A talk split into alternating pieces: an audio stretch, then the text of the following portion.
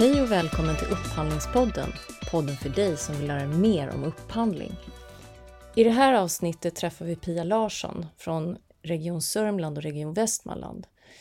Pia jobbar med kategoristyrning inom upphandling. Hon berättar om hur de har byggt upp sitt arbetssätt och sin organisation för att bli mer proaktiva i upphandling. Välkomna till Upphandlingspodden! Här idag är jag Jessica Molén och Magnus Colling och med oss har vi Pia Larsson. Välkommen Pia! Tack ska ni ha! Idag ska ju vi få veta om hur ni inom Region Sörmland och Region Västmanland jobbar med kategoristyrning inom upphandling. Kan inte du berätta lite om dig och, och vad du gör? Ja, absolut. Jag jobbar som enhetschef för en enhet som heter Stöd och styrning eh, inom inköp Region Sörmland-Västmanland. Här finns då kategoriledare, eh, lite andra stödfunktioner som e-handel, administratör, controller med flera. Jag har jobbat inom Region Sörmland-Västmanland sedan 2013 eh, när jag började här och då hade jag en annan tjänst. Då. Ja, vad vill ni veta mer? Hur kom du in på det här? På att jobba inom regionen? Ja, med upphandling och inköp. Upphandling. Eh, jag kom in på det, ja, man kan säga att jag började jobba på Fastikon som eh, är ett, var, ja, ett fastighets vad säger man, konsultföretag och där jag skulle jobba med FM-tjänster och affärsstöd. Där fanns också en, en, verksamhet som jobbade med upphandling som jag då snubblade in på eh, och sa att jag kunde hjälpa till lite grann. Det var väl ingen stjärnkarriär, men eh, det gjorde jag. Och av den anledningen då så fick jag lite mer eh, förståelse kring upphandling och annat. Och sen av en händelse så sökte man inom Region Sörmland, Västmanland, då, för man gjorde en omorganisation, tjänster och då handlar det om verksamhetsutveckling inom inköp och den verksamheten då, att börja jobba kategoristyrt. Så tänkte jag att ja, men nu kan jag ju lite om det här. Så då sökte jag och fick möjlighet att hoppa på det här tåget och här är jag fortfarande kvar då. Mm. Men eh, hur, eh, hur ser organisationen ut då inom regionen? Inköp är organiserad, som sagt, vi, vi, vi, vi ligger, eller vi styrs av en inköpsnämnd med politiker som eh, då, eftersom vi är inköp för både Region Sörmland och Region Västmanland. Men vi är då, det är Region Sörmland som är vår arbetsgivare. Det gör att i Region Sörmland då så ligger vi i verksamheten regionservice, men sen lite längre ner under administrativ service. Och så under där så ligger inköp. Så att vi, vi ligger som en del i regionservice kan vi säga. Då. Mm. Så en, en, bit ner. Men eh, där, där håller vi till just nu. Då. Vad innebär det för er att ni är politiskt styrda? Ja, det är ju att vi har politikernas eh, mål och ambitioner att förhålla oss till.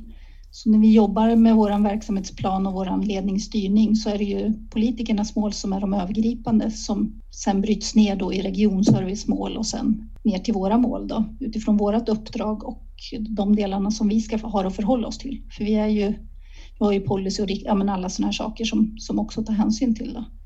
Så att det innebär väl i krasst att vi ska, vi ska se till att uppnå de mål och det som politikerna sätter upp. Då. Så det är ganska tydligt, form, eller tydligt formulerat, men målen finns. Sen finns det ju tolkningsmöjligheter för oss att titta på vad, det, vad betyder det för inköp om man säger så. Då. Mm. Mm. Men hur är ni sen då organiserade inom inköp? Hur många är ni och vad gör ni? Vi gör ingenting. Nej då. vi är, vi är, idag är vi 57 personer som jobbar inom inköp. Eh, vi är tre eh, enheter nu sedan 1 oktober 2020 när vi gjorde en omorganisation.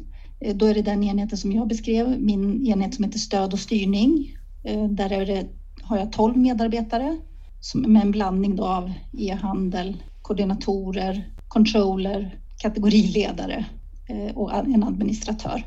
Eh, sen har vi enheten upphandling som består av, hur många är de nu?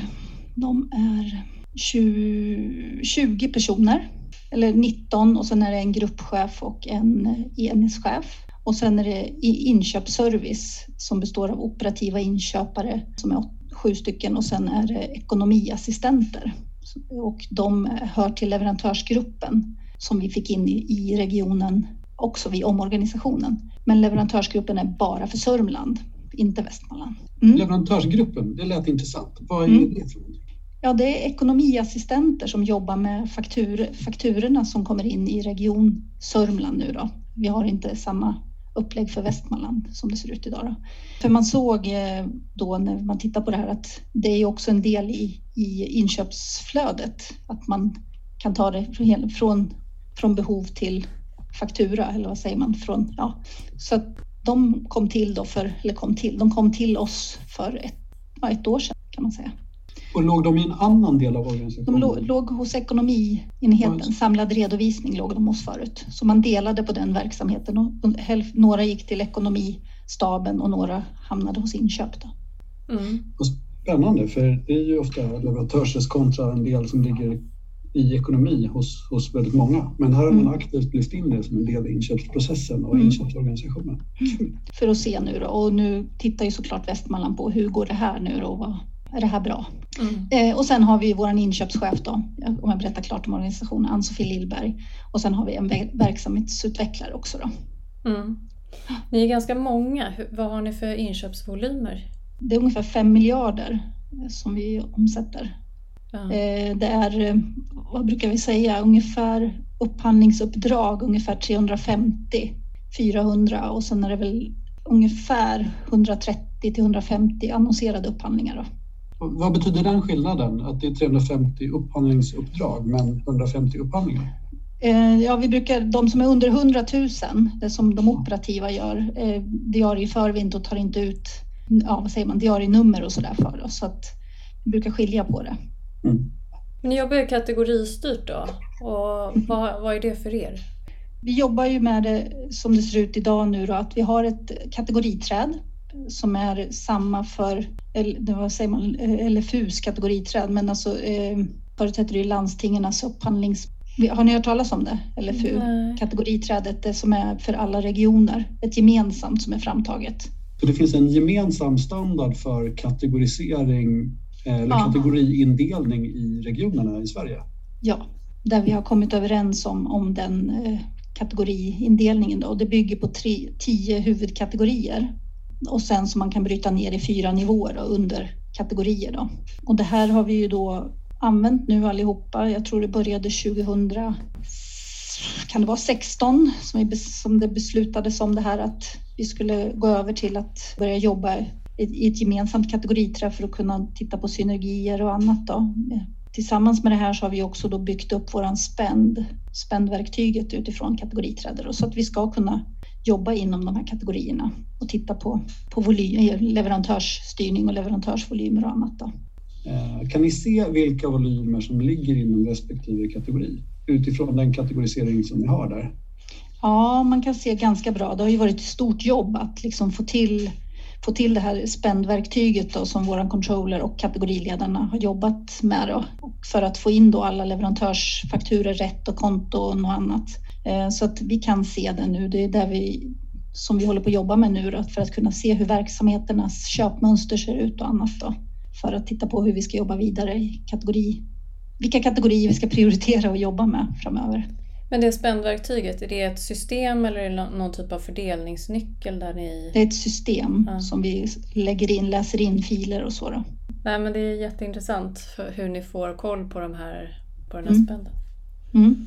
Men hur, hur såg det ut innan ni började jobba kategoristyrt?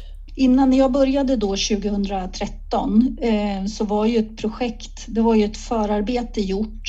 Det var lite intressant, jag satt och letade fram här igår våran historia Ehm, där vi, innan jag började så började resan mot kategoristyrning 2012 och då hade vi 23 kategoriområden.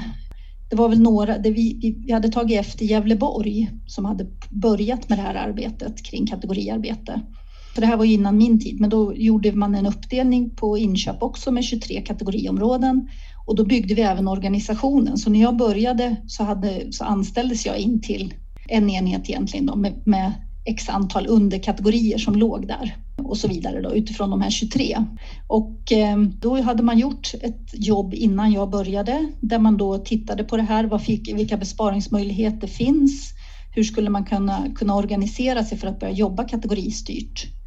Eh, och vilka förbättringspotentialer och sådär. Så 2013 så tog man ett beslut att införa ett nyläge och satte igång och starta rekryteringsinsatser. Då. Så när jag började så var inte alla rekryterade än utan man höll på. Kategoriledarna var inte rekryterade till exempel.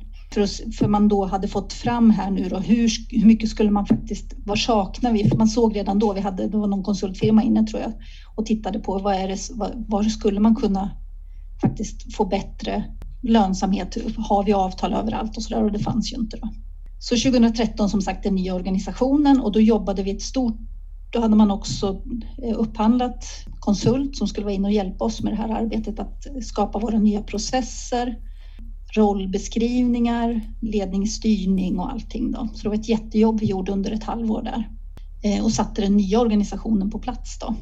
Och då började vi testa det här med kategoristyrning på några pilotkategorier. Det var livsmedel, köpt vård och medicinteknik. Det var, gick sådär. Livsmedel var jättelyckat. De andra fejdade ut lite grann sådär. Men vi, vi testade hur ska vi få till det här? Och det man såg då var ju att vi behöver ha någon typ av styrning. Vi behöver ha några som beslutar kring ska det här ske eller inte och är det här. Så i projektet också så såg vi att vi behövde ha ett inköpsråd. Så det var vårt sätt här då att det här är någonting vi behöver för att kunna få beslutsmandat och få mandat att jobba med de här kategoriarbetena. Då. Sen utifrån det här då så har vi haft ett inköpsråd. eh, men från början så vi siktade högt. Vi ville ju ha regiondirektörerna med i det här. Det fick vi ju inte. Men vi fick väldigt högt uppsatta chefer med.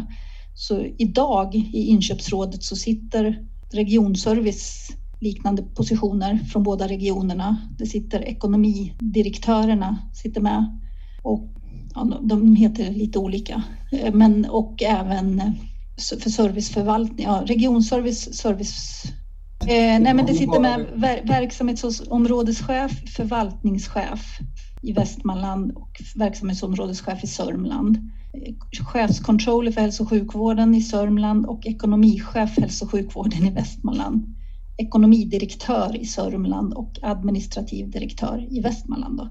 Så det är ändå eh, högt uppsatta tjänstemän som sitter med här och har försökt att hjälpa oss att eh, komma fram när vi har haft eh, förslag. Då. Så att vi hade ju eh, ett tankesätt och en modell där vi då har presenterat det här vill vi jobba med vad det gäller kategoristyrning och så har de sagt det låter bra och sen har vi kommit ut till verksamheten så vet inte verksamheten vad vi pratar om. Så att vi har ju jobbat väldigt mycket nu med att liksom hitta kontaktvägar ute i verksamheterna. Också utifrån vad vi ser att vi skulle kunna börja jobba och sådär. Så det är några kategoriområden som har rullat på, eller kategoriteam, medan andra har, har mer ätits upp av ja, mer operativt jobb, då, de kategoriledarna jag har. Mm. Men vi är på väg till en ny satsning nu. Då. Så nu utifrån nya organisationen och nu då, så kommer vi jobba med det arbetet som vi kan och de, de delarna då kring kategoristyrning här. Att vi kommer prioritera. Vi har fått ett inköpsråd nu där vi har överens om liksom formen för beslutsordning. Vår inköpsnämnd ska också ta beslut kring de prioriteringarna vi, vi sätter och också hjälpa oss ut i verksamheten där det behövs. Då. Så att vi liksom går på rätt verksamhet. För det är klart att vi måste kunna vara tydliga med vad det är vi vill med kategoristyrningen och vad det kommer göra. What's in it for me som, som verksamheten säger. Vi måste kunna tala om vad, vad, det, vad, kan det här leda till för er på ett jättebra sätt. Då. Så att den fakta vi får fram i våra analyser och så behöver ju stämmas av väldigt tydligt med controllers och verksamheten att de känner att det här är jättebra. Det här kan ni verkligen vara med nu och köra. Vi har ju fått den responsen nu. Vi kommer göra det med driften i Sörmland och även till viss del i Västmanland också. Då för att få upp en riktigt bra kategoriplan. Mm. Så ni har inte börjat med det arbetet än? Utan inte nu med driften, men vi har gjort det. Livsmedelkosten har vi jobbat med under alla de här åren. Eh, vi har jobbat med, med fordon, har vi jobbat med också, fordonskategorin. Sen har vi varit inne på, fast vi inte har kommit vidare, inom IT, IT-konsulter har vi tittat på också. Och sen så har vi även varit in och gjort saker där man har insett att när man har påbörjat och gjort analysen att nej men det här är ingen fortsättning inom, inom vård och andra delar. Då. Så lite olika mindre uppdrag har vi varit inne på då också. Men nu blir det mer renodlat att kategoriledarna ska ha fokus på områden och också en prioriterad plan då som är flerårig så att vi kan jobba väldigt strukturerat nu och framåt här. Mm. Men hur, ni gick ju från 23 kategorier till 10. 10, vad, precis. Vad hände? Vilka trillade bort? Nej, inga trillade bort, det är bara att de sorterades in annorlunda. Så istället för att det var väldigt 23 övergripande kategorier så var det 10 och sen var det fyra nivåer. Det var färre nivåer under tidigare, har jag för mig. Och det har ni jobbat fram tillsammans med de andra regionerna i Sverige? Ja, precis. Ja, det är ju jätteintressant. Har ni nätverkat med de andra regionerna för att ja, eh, jobba fram precis. det? LFU står för ledningsnätverk för regionernas upphandling. Det är förkortningen. Och då har man då här LFUs kategoriträd. Så att det är ju utsedda personer från oss som har deltagit i det här nätverket då, där man har tillsammans med EFSO, säger jag nu, hoppas jag inte säger fel, tittat på det här och kommit fram till det här eh, nya kategoriträdet då. Och sen görs det ju vissa revideringar eller har gjorts några små justeringar och sådär. Eh, vi har inte idag kommit igång att jämföra oss speciellt mycket utan det har nog varit lärorikt och det har fungerat bra säger de som har varit med hos mig då, min controller och tidigare en kategoriledare också. Men eh, vi, vi har ju väldigt mycket, inte bara, inte vi kanske, men de stora regionerna har ju man kanske ändå sen kommer till att man har några speciella behov eller speciellt sätt man vill ja, men det måste vara på det här eller det här sättet. Så att, ja, allt kommer nog, det, det, är nog en utopi att kunna tro att vi ska kunna jämföra allt, men, men kanske vissa delar i varje fall. Det tror jag att vi kan och redan idag säkert eh, gör till viss del. Då. Men, men det, som, det som blev tydligt också för vår del då, eller tydligt, det var ju också att kategoriträdet skulle inte bygga på organisation. Så då blev det också för oss då, men vi hade ju vår organisation efter 23 kategorier och så vart det 10. Så nu i vår nya omorganisation så har det inte riktigt satt hur... Den är, den är inte uppbyggd på kategorierna på det sättet längre i varje fall. Då. Men mina kategoriledare de har uppdelat på kategorier som det ser ut idag. Då. Så de ansvarar övergripande för de kategorierna som finns. Då. Vilka kategorier är det, de tio? Då är det som mycket som eh, övergripande material och tjänster är en kategori. Fastighet, IT-kommunikation, fordon, transporter, facility management, vårdrelaterad utrustning och förbrukningsvaror, läkemedel och tillhörande tjänster, vård och tandvårdsrelaterade tjänster och medicinteknik och relaterade förbrukningsvaror. Mm. Och sen finns det en nedbrytning i ett antal, vad sa du, fyra, fyra nivåer? Fyra nivåer. Ja, okay. mm. Men dina kategoriledare då, är de är man som kategoriledare, är man ansvarig för en kategori eller en huvudkategori då? Så som det har varit och som det är fortfarande just nu mm. så har man varit ansvarig för, vad ska, vi, vad ska vi säga då? Det är inte riktigt så att du är ansvarig för en övergripande kategori eh, eftersom vi hade 23 från början och de har ju jobbat, mm. jag har fått in någon ny då, men, men det är där vi har diskuterat. De är fem stycken, ska de ta två var eller någonting? Så just nu är det några av kategorierna uppdelade eh, av olika anledningar. Då. Medicinteknik och relaterade förbrukningsvaror och sen har man också medicinteknisk utrustning. Det kan ligga i vård och sjukvårdsmaterial, nutrition, lab, labbmedicin. Så att vissa saker som, som man har lite uppblandat men ändå i relation till övergripande kategorin. Då fordon har någon, den är helt ren, medan övergripande material och tjänster är de inne ett par stycken i, i då, som det ser ut på övergripande nivå, eller på nivå två då kan man säga. Vad ingår i kategoriledaruppdraget? Kan du beskriva det? I, i den rollen? Ja, vad ansvarar de för? Vad ska de göra? Eller hur sätts deras mål? Eller, ja. Övergripande så är de ju ansvariga för, för en kategori eller flera kategorier. Då. Eh, sen är det ju inte alltid man jobbar i kategoriteam. Men i den här kategorin så ska du ha koll på, eh, på viss, vissa delar då. Alltså att kunna göra de här analyserna som ska ske. Du ska ha koll på spänden, ja, kontaktpersoner, lägga upp och, och prioritera kategoriarbete. Det som är idag är ju också att det har blivit en förskjutning, kommer bli det nu eftersom vi jobbar ett nytt, eh, vi håller på att jobba igenom våra processer. Eh, att det som kategoriledarna förut hade koll på också var upphandlingsplanen. Den, den arbetsuppgiften kommer ligga hos enheten upphandling nu. Förut jobbade vi lite annorlunda. Jag var enhetschef, jag hade kategoriledare till stöd som hade koll på sina kategorier övergripande kring vilka avtal fanns i dem. Och sen så la vi planeringar kring hur ser det ut? Vad är det för uppdrag som kommer in? Vilka inköpsbehov har vi fångat? Vad vet vi för något? Vad vet vi sedan tidigare och så här? Och sen så tittade vi på då var, vilka områden och vilka kategorier ska vi eventuellt jobba igång med kategoriteam. Och sen hade de ju också ansvaret tillsammans med mig då för att leda och styra arbetet med kategoriarbete eller med upphandlingsarbetet. Jag var chef, men vi la planer utifrån de olika kategoriområdena. Och det gjorde ju att eh, vi satte ju mål året innan, det vi visste. Inom många av kategorierna så vet man ju vad som komma skall. För man har både en bra dialog och man har också koll på det. Medan inom vissa kategorier så är det väldigt mycket ad hoc. Och det är det här arbetet vi har gjort under de här åren sedan 2013, att vi har jobbat med att skapa ett förtroende i verksamheten. Så kategoriledarna har inte fått gjort sig förtjänt av sin roll riktigt, utan de har ju verkligen fått jobba med, med verksamheten att skapa ett förtroende utifrån att de har, vet någonting om deras verksamhet och att man vill hjälpa dem och vi vill att inköpen kommer in till oss och hur ska vi kunna, men vi har inte kommit igång och gjort analyser överallt eh, som kategoriledaren ligger i deras roll att faktiskt titta på, ska man säga, för att, för att skapa det här förenklade för strategerna sen. Att det finns analyser gjorda, att det finns ett tankesätt kring hur ska vi kunna göra bra affärer och vad ska det leda till som, som input i upphandlingsstrategin sen då, när man ska sätta sig i den. Och vi har nog haft en ambition att det här ska vi ha på allt, men det kommer inte vara möjligt för det är ju 300 kategorier om man nu tittar och bryter ner dem. Och när man pratar runt med andra som har kommit igång med kategoristyrning så, så väljer man faktiskt även Stockholm nu, de jag säger enkla områdena, väldigt mycket kring kanske förbrukning och annat. Då.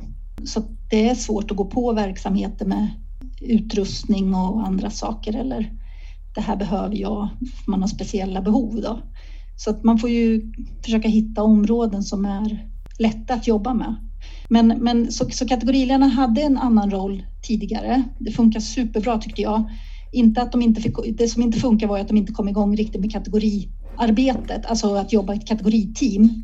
För vi, ja, vi, vi nådde inte riktigt de verksamheterna och sen åts vi upp lite och sen vart det omorganisation och så vart det corona och sen ja, av, av den anledningen då så, så blev det som det blev.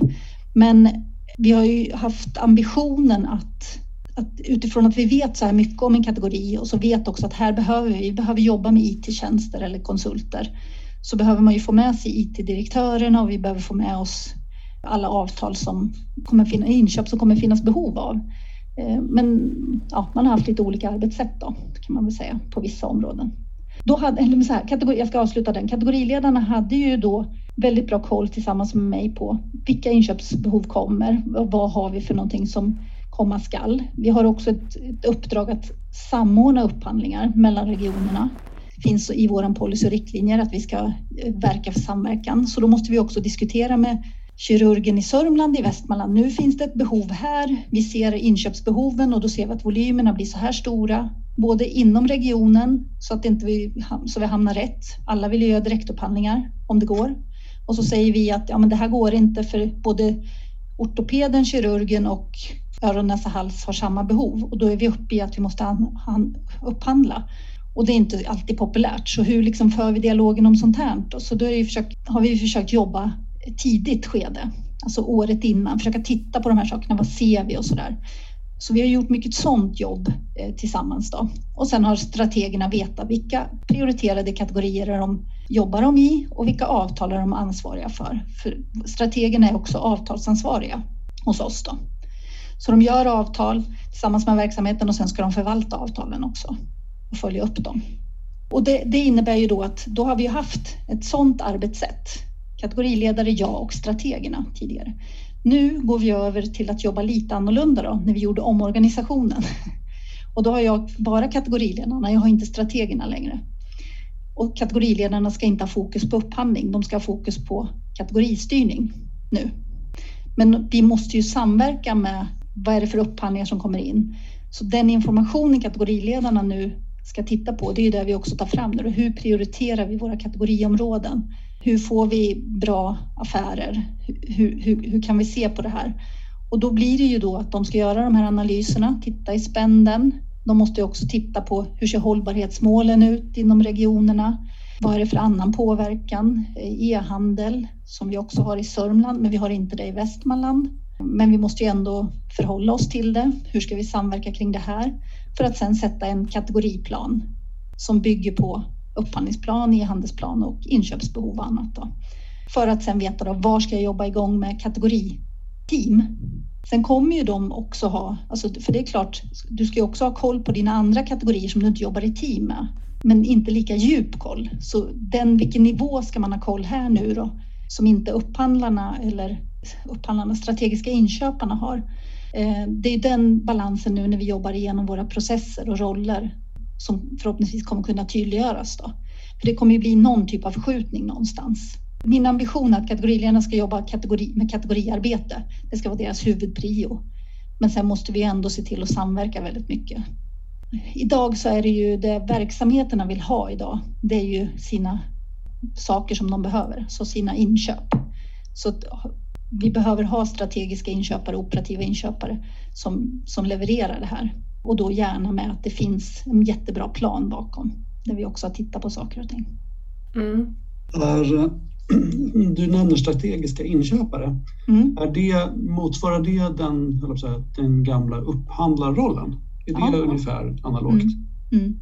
Och är de som är kategoriledare, är de ansvariga för kategoristrategi för respektive kategori? Är det så man har formulerat det?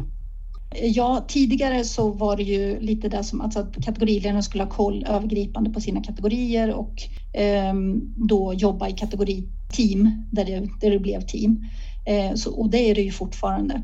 Eh, men det vi inser är att vi har fem kategoriledare på hela den här mängden. Så ska det bli någonting som vi inte håller på att göra mellanmjölk så ska vi ha prioriterade kategorier där man faktiskt har kategoristrategier.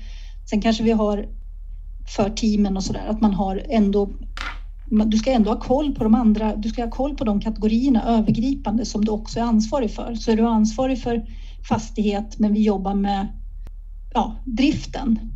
Du är ansvarig för fastighetsövergripande men, men du kommer jobba i kategori med driften så behöver du ändå kanske ha koll på på energi, fastighetsrelaterade konsulttjänster och teknik och infrastruktur. Vad ligger i det? Så att man väljer, så man har någon, någon hum om vad ska vi välja nästa gång då? Eh, och då behöver man ju ha all den här faktan, så det är ju det vi håller på att titta på nu, för det är klart man kan titta på olika saker, men ska vi förhoppningsvis kunna jämföra så behöver vi titta på samma, sam, göra samma analys ungefär i grunden för att sen veta hur går vi vidare. För det, jag tror det är lite grann här vi kan ha fastnat många gånger, att vi, man vill ha så mycket innan man ens törs säga att man ska igång. Och så blir det inte det och då har man lagt så mycket tid på och då känns det som att fan gör jag någon nytta egentligen? Jag, ja. Så jag vill ju att kategoriledaren ska känna sig stolta över sitt jobb och känna att när de går ut och någon säger vad gör en kategoriledare? Det här är mitt ansvar. Det här tittar jag på. Det här kan jag leverera till er och vi kan titta på det här och se vad, vad blir det av det här då? Och att strategerna känner sig jättenöjda med den information, för de kommer ju också ingå när det blir ett team så kommer de in, måste ju de ingå med sin avtalskompetens och kunskap kring det här området. Och när de gör det också så borde de, är ju ambitionen att de också känner sig trygga med att perfekt, antingen blir det ju en, en, strategi som kanske inte handlar om upphandling, det kan handla om någon annan kvalitetsutveckling eller någonting. Men många gånger erfarenhetsmässigt och vad jag hör andra säga så blir det ju ofta att man hittar att det saknas avtal och så börjar man titta på hur kan man upphandla eller vad ska man upphandla eller vad behövs då?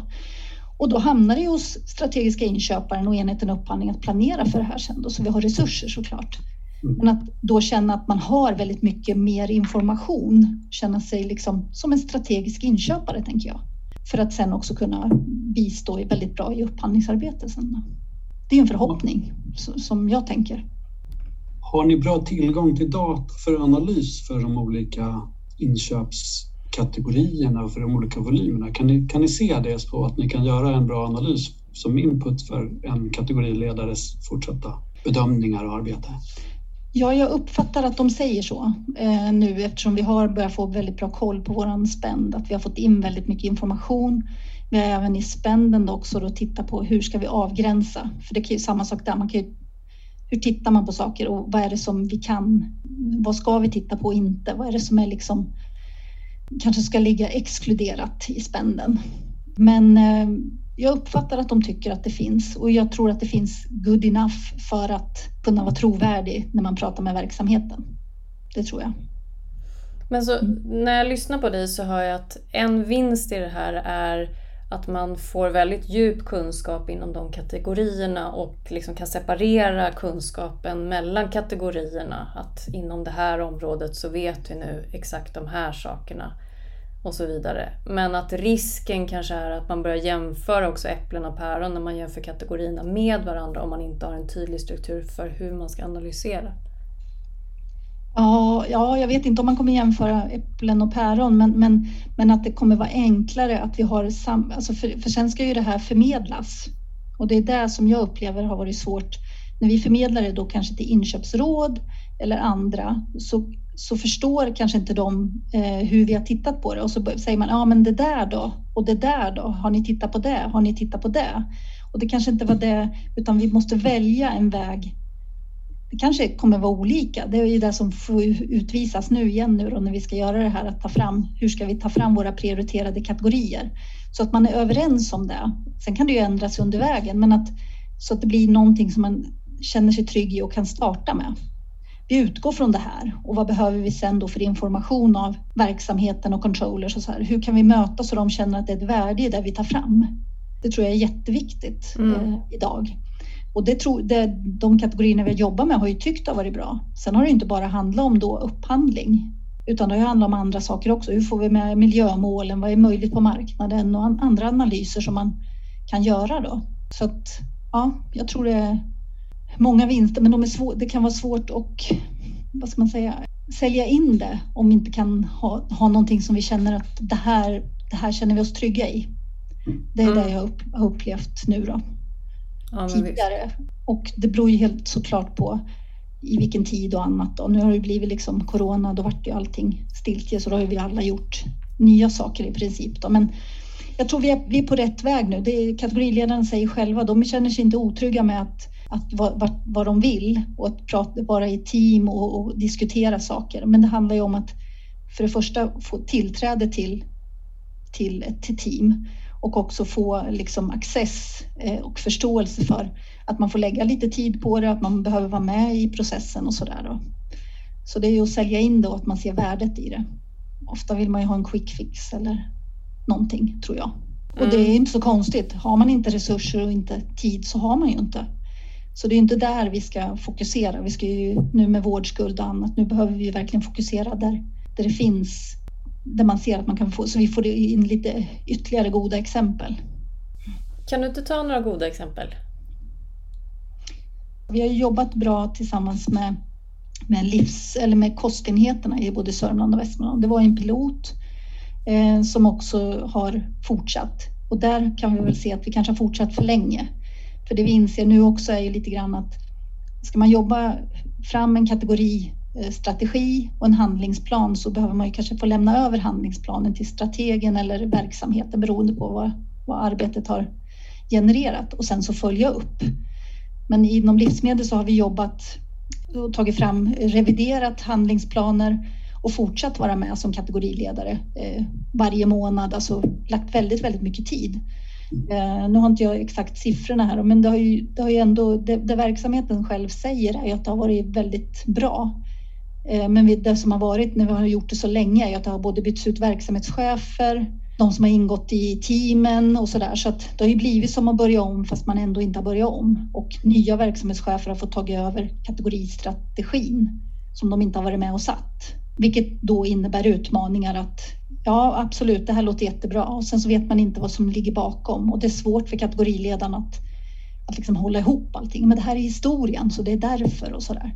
Så ibland tror jag att det är bra att man, man gör det här. Eh, jag hör ju när Ann-Sofie beskriver hur de jobbade. Hon kommer från eh, FMV eh, tidigare där man jobbar mycket med kategoristyrning också. Då. Och där jobbade man ju kanske mer det beror ju på vilken kategori, men kanske lite kortare, kortare tidsaspekter. Tre till sex månader beroende på storlek. Sen så var analyserna och allting gjorda och sen hade man en handlingsplan som oftast då strategiska inköparen eller upphandlaren tog över tillsammans med verksamheten och verkställde. Och den är ju då oftast långsiktig. Den är ju däremot kanske på tre till fyra eller fem år eller någonting. Och under tiden så ska kategoriledaren kanske följa upp, går det som det ska och ja, är det någonting som behöver revideras och sådana här saker. Så det beror väl lite grann på hur man bygger upp det här, men vi har ju lärt under tiden. Nu blir det ju livsmedel som jag pratar om, men där är det ju också att vi har fått med väldigt, miljö har varit med. Vi har haft med många intressenter i det här arbetet eftersom det är väldigt miljöprioriterat från politikerna. Eh, med livsmedel och så. Så det har ju varit många som har varit delaktiga för att skapa det här, för att nå alla miljömål och allting som är med ekologiska hjälpmedel och matsvinn och ja, andra saker. Så att här har vi nog varit med, kanske, ja, jag ska inte säga att vi har varit inne för djupt, men vi har, vi har, här har vi varit väldigt delaktiga. Och det kanske inte är värt så mycket resurser. Man kanske, vi måste nog jobba på lite, lite snabbare med vissa saker. Mm. Men eh, det har gett resultat. Mm. Så mycket, eller möjliggjorda besparingar har vi sett i varje fall. Bättre avtal och ja, sådana här saker. Har ni högre avtalstrohet idag? Eh, på generellt eller? Ja, på inköpen. Eh, vi kan ju inte riktigt mäta avtalstroheten. Eh, vi hamnar ju på leverantörstrohet eftersom eh, vi inte har av, ja, så länge vi inte får in, det som vi säger, ju mer vi får in i e-handel desto mer kan vi mäta avtalstrohet. Vi kan ju se om vi använder avtal eller inte. Och det är inte alltid, vi kan upphandla avtal som inte används och då är det inte så stor idé med det. Då. Men det här är ju det som vi jobbar mycket med nu då, att hur får vi, får vi, ska vi kunna börja mäta avtalstrohet som man vill från båda regionerna, då behöver vi få in, få, få in våra avtal i e-handelssystemen och vi behöver se till att vi har avtal som, som används och att folk använder oss att skapa avtal så man inte gör dem själv. Är det vanligt? Det var nog mer vanligt förr. Det här är, så jag tänker att vi inte har nått kanske så långt med kategoristyrning som vi önskade så tror jag att det här grundarbete vi har gjort eh, tror jag ger förutsättningarna nu för att vi ska lyckas. Eh, så är min känsla eftersom jag har varit med nu hela resan. Förr var det ännu mer vanligt. Eh, nu har vi varit ute mycket och utbilda och pratat och sådär. Och nu har vi också kört ännu mer med det. Varit ute och utbildat verksamheter där vi ser att det är låg eh, avtalstrohet eller för att skapa förståelsen för att man måste eh, vi lever utifrån vissa lagar och förordningar som vi behöver förhålla oss till och vi kan hjälpa till med det här. Så vi försöker ha en god inställning till det här, en god ton. Skapa relationer. Ja. Men du nämnde tidigare också att ni har ett e-handelssystem i Sörmland men inte i Västmanland? Så här är det. I Sörmland har vi Procido. I Västmanland så har man Agresso och det är även deras ekonomisystem. I Sörmland är Procido bara ja, e-handelssystemet då för, in, för inköpen. I Sörmland så ligger e-handelsförvaltningen inom inköp. Ah. I Västmanland ligger det inom Västmanland, alltså inom, det, ligger, det ligger hos regionen då. Det, det är inte inköpsansvar. För vi, det är klart, för inköpsdel skulle det vara väldigt bra om det, vi hade sam, ett och samma system. Mm. För eh, då skulle vi behöva göra kanske jobbet förhoppningsvis en gång. Det mm. som vi sitter och gör nu med två organisationer. Mm. Och det, ett, det funkar inte riktigt bra. Men ni har två olika inköpssystem idag? Två olika inköpssystem är idag. Mm. Eh, och det är inte optimalt för inköp då. Men, eh, och inte för strategerna heller. Så det är det här jag försöker titta på nu och samverkan kring det här. Mm. Inte kring de delarna, men hur får vi till en gemensam plan? Hur ska e-handel prioriteras då? Mm. Det känns som en grannlaga uppgift, både i det du beskriver om storleken av inköpsorganisation som är ganska omfattande era inköpsvolymer och faktiskt samordna inköpen i två regioner. Jag är ödmjuk inför det du beskriver. Mm. Tack. Eller vad säger man på det? Jo, men du, du säger lite så här att det, ja. det, tar lång tid och att vi har provat och vissa saker har gått jättebra och kanske mm. för bra. Vissa saker har vi kört fast i och provat och mm. kört om mm. och omorganiserat och, och så. Men det känns som att egentligen det är rätt lite att um, be om ursäkt för, för det är ett mm. rätt stort uppdrag. Liksom. Det är inget som man ritar på en eftermiddag och sen så kör man det dagen efter, utan det är, det det är lite bök. Jag tror att det är där man behöver vara ödmjuk inför kanske. Eh, det, ja, det är det jag försöker föra fram. Vi har gjort ett, tycker jag själv nu, då, jättebra jobb från 2013 till nu. Man kan tycka att det är jätte, jättelång tid. Men det jobbet, om man inte gör grundjobbet, att du vet vad finns i botten, alltså vad finns det för någonting? Oavsett om man använder kategoriträd eller någonting annat, så vet du inte, då får du ju liksom gissa. Ja, visst har du saker i ett system, ja, du kan ju fortfarande gissa. Har du inte relationer och kontakt och skapar ett förtroende för inköp, då är vi bara jobbiga. Så var det ju när man kom in, alltså eh, när jag började. Vi fick in uppdragen och sen, ja, så svarar vi någon gång. Här har vi jobbat med att vi ska svara inom fem arbetsdagar när vi får in ett uppdrag. Om vi inte, för vi vill ha in uppdrag, men vi vet ju om också att det ska komma. Så vi försöker liksom att hitta det här proaktiva arbetssättet. Nu har ju corona ställt till det lite och sen har vi själva gjort en omorganisation då, så att jag tror, jag tror vi var lite bättre förut, men nu får vi vara ödmjuka inför det som har varit. Då. Men, men just att återkoppla, ta dialogen, ställa frågor, hjälpa verksamheten. Det har gjort någonting med att de också vänder sig till oss i mycket, mycket större utsträckning än tidigare. Då gjorde de själva väldigt mycket, tror jag. Eller vet jag. Men, men idag så vill man ju ha hjälp och kan vi leva upp till det, att vi kan hjälpa till med rimlig, inom rimlighet och kanske också planera så här och också bidra med något mer än, än bara upphandling, att alltså ytterligare värden inom kategoristyrning som jag ser att det ska vara. Både eh, inför affären när den ska ske eller för andra delar också då, så, så ser jag ju att vi, vi kan, kan bli uppskattade ännu mer än vad vi är idag. Jag tror inte alla tycker att vi är jätteroliga, men jag tror inte alla tycker att vi inte är bra heller. Jag tror många tycker att de får ett väldigt bra stöd av oss. Och det arbetet är det som har pågått nu under många år. Rätt eller fel, men jag tror ju på relationer för att, och med respekt för att folk, vi, det är många som slutar hos oss, det är många som slutar i verksamheten så vi kan tycka att ja, nu har vi nått den här verksamheten, nu, nu är de på banan. Och sen de säger strategen, nej, funkar inte igen. Nej, nej, det är en ny chef eller nej, de vill inte eller ja, vad det nu är för någonting. Så visst, många diskussioner och duster har vi ju haft. Och det är många konstellationer, för vi har ju alla de här inköpen av investeringar också. De finns ju med i de här upphandlingarna som jag nämnde tidigare, men som en egen process och egna behov. Mycket akut och du ska planera. Så det är, det är många olika områden och kategorier att, att hålla sig ajour med. Ligger det som ett eget kategoriområde eller ligger det som en process vid sidan om? Det, det, det ligger ju som en, en av kategoriområdena, jag tror det var tian här. Mm. Men nej, investeringsprocessen är ju ett sätt att få in vilka inköpsbehov som finns.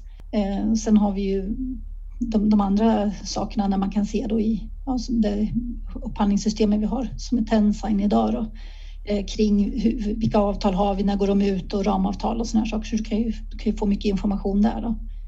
Eh, och du kan även få det i e-handelssystemen om, om avtalen ligger där. Nu kommer det här snart gå ut eller ja, sådana här saker. Då. Så att det, det, är inte en egen process, men det är ju, den är ändå lite speciell. Det, för det är ju köp av oftast av en eller flera saker. Medan vi då försöker samordna och titta på behoven som vi sa då här. Kan vi samordna regionerna och det gör vi ju med de andra delarna också då, för vi ska inte behöva sitta och upphandla två saker samtidigt helst. Eller efter varann. Jag är lite nyfiken på den nationella upphandlingsstrategin och hur den har påverkat ert arbete inom det här.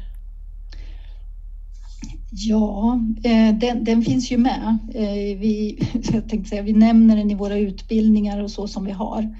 Eh, det är ju en del i att titta på de, på de här sakerna och vi kommer ännu mer använda det nu i kategoriarbetet eh, som en del att, att ta med både den och också då de, den bygger ju också även på de här hållbarhetsmålen och annat. Så det, det är lite kopplat till varann. Eh, och vi jobbar ju ganska tätt ihop med våra hållbarhetsavdelningar inom regionerna. Då.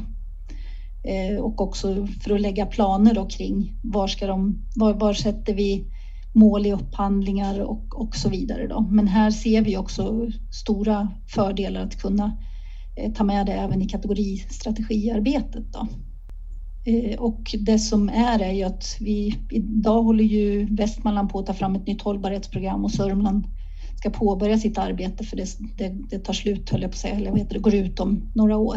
Och här ingår ju vi inköp då att finnas med då. Så att jag tror att, eh, ja, hur vi använder det, det, det, är en del av den analys vi ska göra såklart. Så utifrån de här sju målen som finns där då. Och det, det jag tänker och, och, hoppas att vi ska göra framöver är att också koppla våra mål, alltså när vi, att vi kan hänvisa till det här, gör, det här ingår i det här arbetet eller det är utifrån de här inriktningsmålen som, som den här delen, eh, om det går att göra så, så att man också kan visa på. För, jag tror att många saker är, hamnar vi rätt i, i den här äh, strate nationella strategin. Men, men vi, vi, vi, vad ska jag säga, vi marknadsför det inte så eller vi redovisar det inte så utan det bara, det bara sker. Där har väl vi att jobba med lite grann. Men vi har pratat om det väldigt mycket nu inom, inom kategoriarbetet och så också, att ta med och ta hänsyn till de här delarna. Hur får vi med det på ett tydligare sätt? Då? Mm. Du beskriver ju också, det låter ju väldigt positivt, att inköp är med i det långsiktiga hållbarhetsarbetet och regionernas mm. långsiktiga hållbarhetsplan. Mm. Det lät som någonting väldigt bra tycker jag. Mm. Ja, jag, jag, jag, tycker det är bra och jag tror att det här är också en del i att, att vi har synts mer, att, att man förstår att vi är en, vi, vi ska, ja, okej, inköp, utan att man förstår att vi har Ska det bli verkstad av det som man, man sätter upp som mål så, så, så, är det ju via väldigt många delar via upphandling och de delarna som vi är ansvariga för och då behöver vi också kanske vara med och komma med lite input och erfarenheter av det vi kan. Eh, och också så vi kan lägga det så att man kommer in rätt i processen. För jag tror många gånger så kommer, kommer man som sagt in för sent och då har vi redan upphandlingen klar och så skulle det ha varit någonting med i det här. Så det är ju en del i att ha en sån här gemensam upphandlingsplan och en plan för kommande år som är lite mer långsiktig så man också kan titta på vad är hållbarhetsmålen och hur ska vi ta oss an dem och i vilka, inom vilka områden är det fokus? För det är samma sak där, de har inte hur mycket resurser som helst men politikerna har ju ändå skickat ner mål som ska eh, uppfyllas och då är det väl där man får börja och sen så ytterligare då. Så det är en samverkan mellan olika sakområden kan man säga. Alltså vi är en stöd, inköp är ju en stödverksamhet eh, och det är ju fler som är. Hållbarhet miljö är också en stödverksamhet. Informationssäkerhet är en stödverksamhet och så vidare och så vidare. Eh, så vi, vi behöver liksom fånga upp det här. Vi ansvarar inte för det, men vi måste ändå se till att hur, hur samverkar vi så att det blir så bra som möjligt för regionen så vi når de målen vi ska. Då. Så här håller vi ju på och hållit på och lyckas mer eller mindre på olika sätt. Då. Men det, det, vi har det som en del i vår verksamhetsplan att, att ha samverkan inom sakområden då, eh, och tydliggöra de här delarna då, så att vi kan få med så mycket som möjligt från våra, våra olika roller. Då. Kan du berätta lite om de här kategoriteamen, hur man jobbar och, och vem det är som styr och vilka som är med där? Mm. Eh, ja, det är kategoriledaren som styr, som är eh, ledare eller ja, säger man? Eh, projektledare. Projektledare kan man säga, precis. Kategoriteamet brukar vi prata utifrån att det är tvärfunktionellt där det kan ingå väldigt många olika roller. Man behöver ju titta på det, vilka ska ingå i det här teamet utifrån den här kategorin. Då. Så det, ja, precis, olika representanter från olika roller. Då. Så det kan vara alla, alla, alla möjliga delar som, som ska vara med. Då. Och vad, sa, vad var din fråga mer? Vilka som ingår eller hur? Ja men precis, så när man tar fram de här eh, strategiska eller kategoriplanerna mm. så, så sitter alltså sakkunniga med i, eh, i teamen? Mm. När man tar fram handlingsplanerna, ja precis. precis.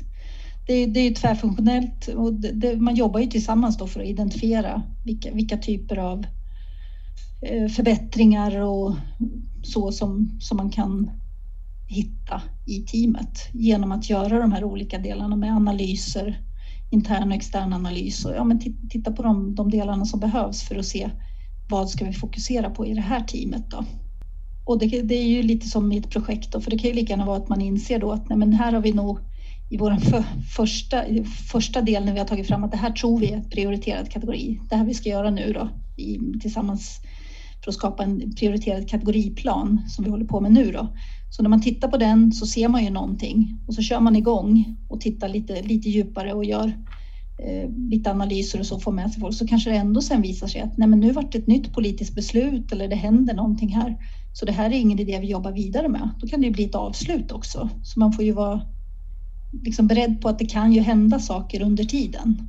Eh, men förhoppningsvis så blir det ju att man går hela, hela processen eh, kring att man gör, ja, startar upp kategoriarbete och jobbar vidare med, med de analyser som behövs där. Och sen så tar man fram en kategoristrategi och en handlingsplan som man sen då använder sig av vidare i, i det långsiktiga. En handlingsplan ska ju vara långsiktig som vi säger eh, med olika aktiviteter som ska ske. Och det troliga är att den kommer ju lämnas över då till verksamheten och strategiska inköparen då oftast, allt som oftast tänker jag, att jobba vidare med.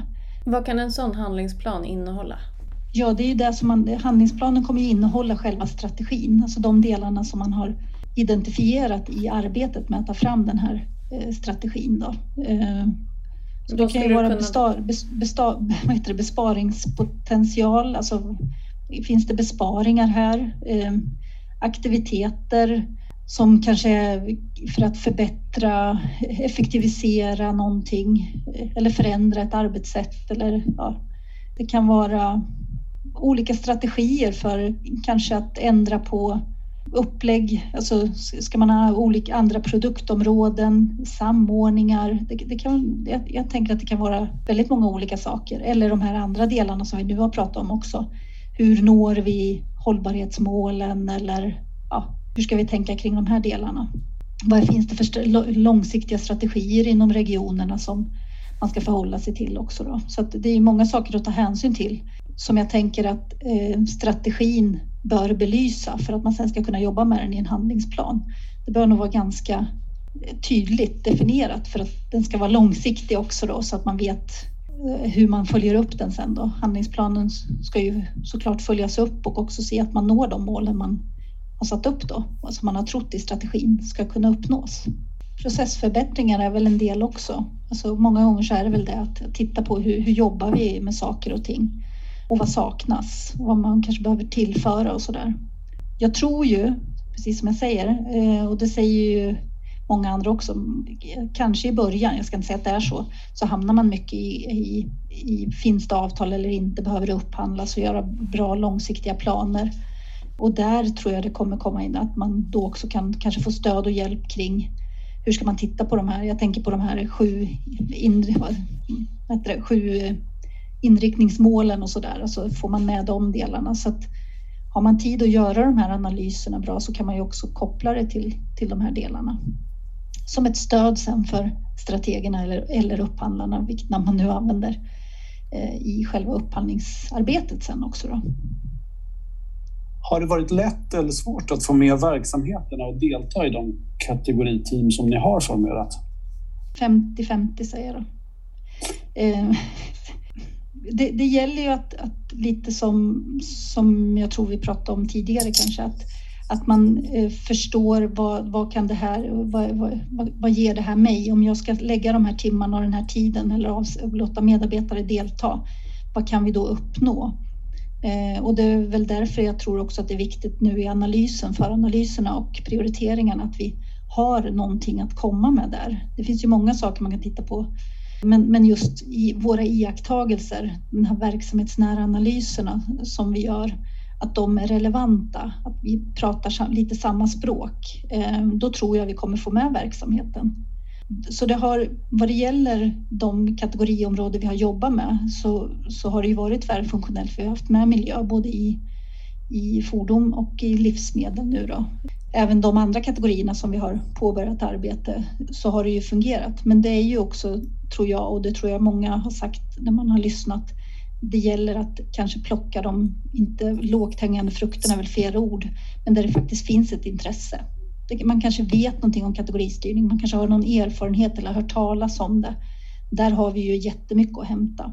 Så att jag, jag tror verkligen på att vi, vi kommer under 2022 nu komma igång med flera kategori, kategorier och kunna redovisa bra, bra resultat som gör att vi kommer kunna få komma ut ännu mer. Vi har just nu inköpsråd och nämnd med på, på banan och ser verkligen fram emot det här arbetet vi gör nu när vi faktiskt får fram en prioriterad plan som vi ska våga marknadsföra och våga stå för och våra, våga prova.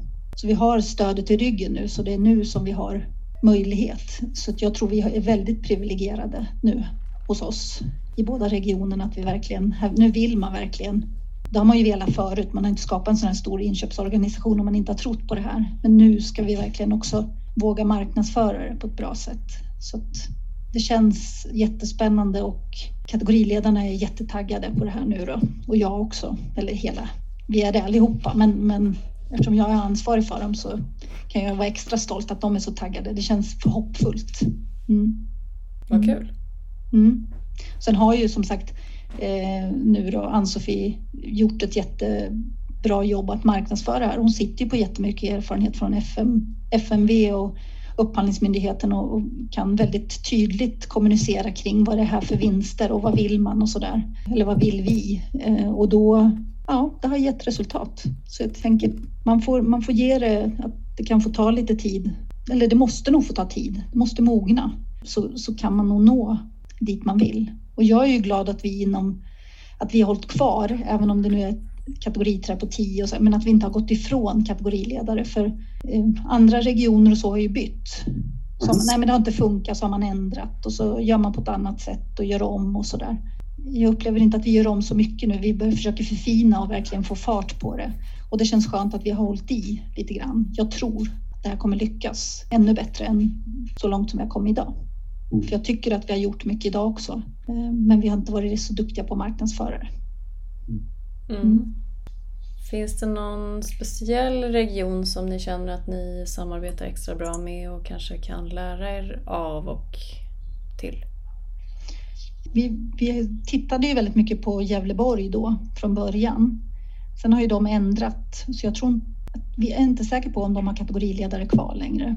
De har gjort om. Men däremot Stockholm har ju verkligen fått mandat och där har du ju en annan Alltså det är olika typer av styrning av hur man ska få beslut kring att jobba kategoristyrt eller med de strategierna. Man har ju olika modeller inom olika eh, regioner, eh, statliga myndigheter och annat också. Alltså vad man har för typ av styrning med kategoriråd och andra delar. Då. Så det, det är ju också en, en, tror jag, en del kring hur man ska nå fram. Eh, och Stockholm däremot har, fick ju det vet jag inte om ni har läst om, men, men de fick ju mandat från, det är uppe på politisk nivå, där även de sitter med. De har ju en annan styrning än vi då. Och där jobbar man ju på, så där har ju mina kategoriledare nu igen haft dialog då och pratat om hur det har gått för dem och så där. Eh, men det var ju också många års arbete att få, få igång arbetet överhuvudtaget. Och där har man ju då valt lite sådana, jag ska inte säga enklare områden, men eh, varor så det, det, att gå på hälso och sjukvården rakt upp och ner, det vet jag inte hur många som har gjort. Utan man håller sig till de här kring, kringtjänsterna eller vad man nu ska kalla det. Gärna. Men, men eh, det vi, våran, vi, har ju, vi har ju tagit fram och beslutat en styrmodell för kategoristyrning. Då. Eh, och det var ett jobb som vi gjorde under våren nu tillsammans med inköpsrådet. För vi behövde liksom få till en gemensam bild av vad är inköpsrådets roll? Vad kan vi ha för förväntningar på dem och så då? Och de är ett arbetsutskott och en beredning för våra av kategoriteam och kategoriplan som det ser ut idag då och kategoristrategier och handlingsplaner och sen ska de vara stödjande och möjliggörande och förankra och driva inköpsfrågor i regionerna. Vilket gör att vi ska ju såklart visa för dem hur vi tänker och så ska de då förhoppningsvis kunna prata med verksamheter, se till att det är så eller komma med input till oss när vi gör vår prioriterade kategoriplan nu och säga att nej, den verksamheten, nej, den tror jag inte ni ska prioritera för de står inför det här nu eller ja, vad det ska vara så att vi liksom får så bra förutsättningar som möjligt att nå ut. Nu är det inte så att inte vi har pratat med verksamheterna ute innan. Det är klart att vi har och har etablerat en kontakt, men, men det kan ju vara så att vi ser i, i den, det vi tar fram och det de analyserna vi gör att den här verksamheten skulle verkligen vara värt att jobba med. Men här kanske vi inte har jättebra kontakt eller ja, förutsättningar. Så det här kanske vi skulle behöva lite hjälp. Det är väl sådana saker vi får se nu utifrån det vi tar fram. Men själva styrmodellen består ju av att, att vi har inköpsnämnden då och de ska, vara, de ska besluta kategoriplanen, är det bestämt nu då. Inköpsledning med inköpschef och, och sen är det jag, chef för stöd och styrning då. Vi ska se till att, att det finns, eh, vi beslutar om uppstart av kategoriteam och så beslutar vi om kategoristrategier och handlingsplaner. Självklart i samråd, men vi har det mandatet att vi ska se till att det blir beslutat och sen så är det ju inköpsnämnden som beslutar är slutgiltigt men de vill ju ha underlag som vi har sagt att det här vill vi gå fram med såklart. Och sen har vi kategorirådet då, det är kategoriledare och insatta verksamhetsrepresentanter och då ska det vara sådana som har beslutsmandat det är vår önskan. Eh, som de, de tar beslut vid milstolpar för kategoristrategier och handlingsplaner så att vi liksom kommer vidare. Ska vi gå vidare eller ska det avslutas? Och så vidare. Då. Och sen har vi det här kategoriteamet som jobbar på. Så vi har försökt hitta, eller försökt, vi har jobbat fram en styrmodell och det har de flesta tror jag som jobbar med kategoristyrning fast de kan se lite olika ut då. Och sen finns det också då nödvändiga funktioner, alltså vad vi behöver ha med här då. Just vilken process vi jobbar utifrån, hur ska vi kommunicera och ja, uppföljning, nyckeltal och lite annat. Då. Så den ska ju också eh, vara tydlig och kommunicera ännu mer än innan. Då. Så vi tror att våra förutsättningar har blivit mycket bättre nu också då. När vi har hittat den här styrmodellen och både nämnd och inköpsråd är överens om att ja, det här står vi bakom. Det här, det här ska vi verkligen jobba med. Även om vi har haft ett inköpsråd under alla år så som de säger så har det blivit mer än att vi har rapporterat hur vi jobbar generellt på inköp kanske i, i, i mångt och mycket. Då. Mm. Mm. Men om du skulle ge något tips till en organisation som vill börja med kategoristyrningsarbete, vad skulle du ge för tips? Nej, gör inte. Nej. ja, jag tror faktiskt jag skrev någonting igår. Jag satt och tänkte på det här. Ja, men det, det är ett långsiktigt arbete eh, och jag tror inte det räcker med att inköpsavdelningen vill det här. Det måste vara fler som vill och förstår vad det här innebär. Så att absolut att få till en förståelse kring vad skulle det här innebära för oss om vi får till det här så att det är fler som, som, som kan stå som ambassadörer för eller som kan prata om det och som förstår vad man pratar om och kanske ha lite erfarenheter av det. Alltså man behöver ha med, eh, tror jag, det, det är något som en, en nyckel i varje fall. Så, så, att det inte bara blir ett beslut, ja men jobba kategoristyrt och så förstår man inte vad det är utan att, att man är överens om på vilket sätt och hur ska vi ta oss an det här då? Och vad har vi och vad behöver vi då? Vad saknas liksom för att och det finns ju väldigt mycket, jag menar det här är ju, har väl funnits väldigt, väldigt länge med kategoristyrning, men att titta på något, någon modell eller någonting som man tror på skulle fungera där man är och sen faktiskt inte hoppa över utan faktiskt göra ett bra förjobb med den. Så man har en, som vi säger nu, att man har en styrmodell. Jag tror på det, att man är överens om takt, vilken takt ska det få ta?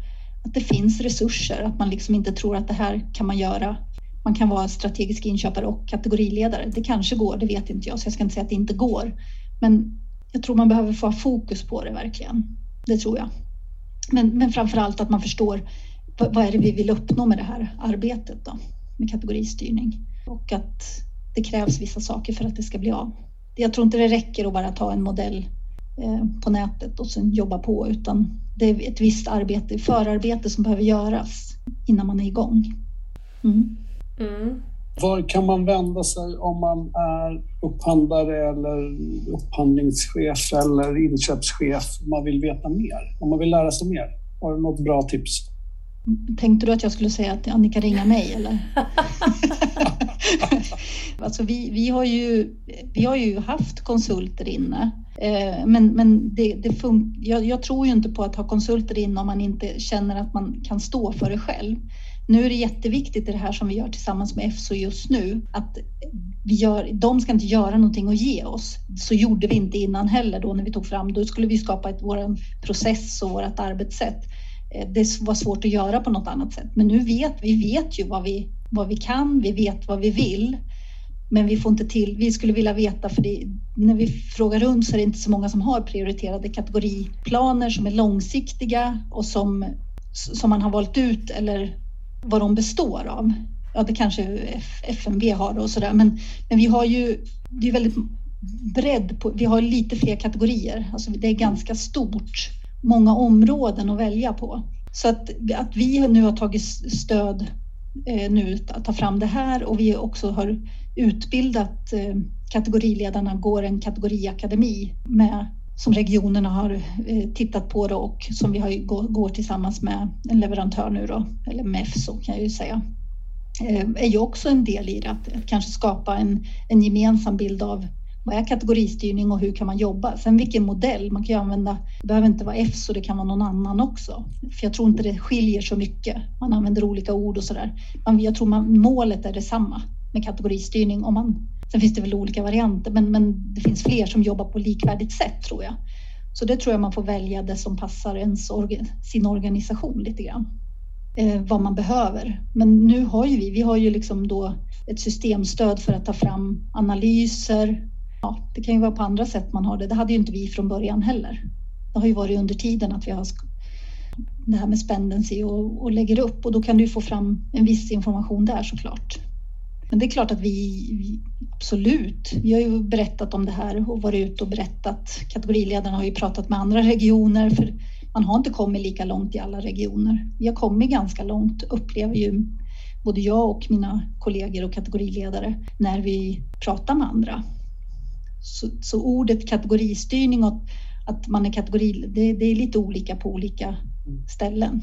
Eh, och det kan ju förvirra också, så det kanske inte alltid är det bästa. Så det skulle ju vara bra om det var lite standardiserat så man vet, så inte verksamheterna här ute när någon kommer och säger varuförsörjningen började ju jobba kategoristyrt också. Varuförsörjningen är ju de som förser fem regioner med förbrukningsmaterial, det vet ni. Så det upphandlar inte vi själva då. Nu vet vi det, men det, det är en inköpscentral som... Ja, som är med för fem regioner.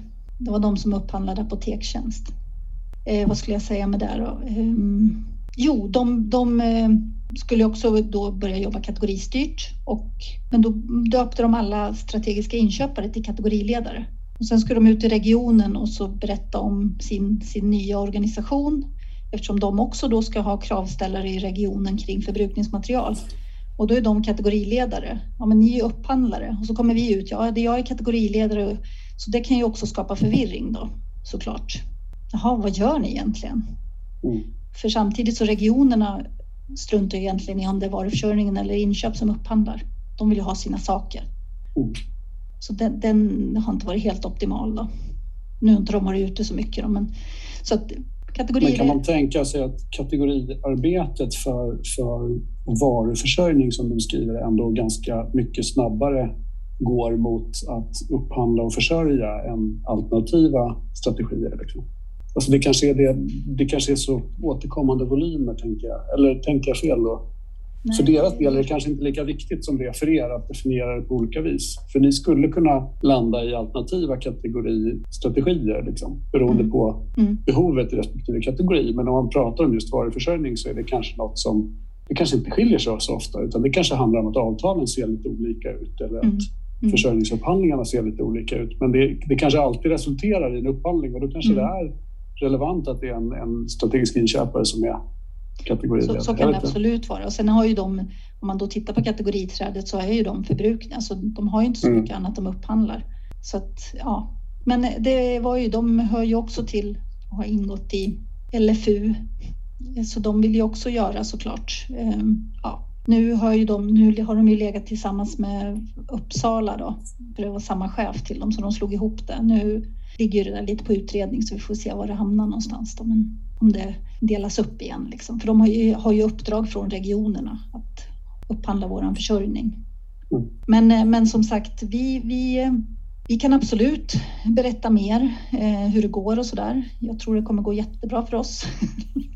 Eh, fortsätta gå bra ska jag säga, för jag, jag, tycker faktiskt att vi har gjort ett riktigt bra jobb hittills också, även om vi inte kan liksom presentera många kategoristrategier. Eh, men vi har ju jobbat, gjort ett bra grundjobb och jobbat väldigt mycket med att förstå två regioners hela skop, inköpsbehov. Jag tycker vi har väldigt bra koll och kontaktpersoner och sådär. Så att, ja, jag ser verkligen fram emot 2022 nu när vi sparkar på och försöker jobba ännu mer utifrån vår styrmodell och också processen, då, kategoriprocessen. Aha. Jag tror att ni har en, en del utmaningar förstås, men, men jag kan känna lite avundsjuka i det här grundliga förarbetet. Jag har en, en, en resa kvar i, i liksom dataanalys och bara möjligheten till datainsamling och kategorisering mm. av den, där, där, vi inte, där vi inte är där vi borde vara. Liksom. Mm. Uh, och då har vi möjlighet att kanske ta nästa steg. Men jag är inte alls där själv för, för den delen i min egen organisation. Så, att, mm. så jag tycker att det är jättespännande att höra också lite fallgropar och utmaningar som jag känner igen. Kanske mm. mer från, uh, från regionen än, än vad jag ser nu då i stan. Men det är jättespännande och mm. kul.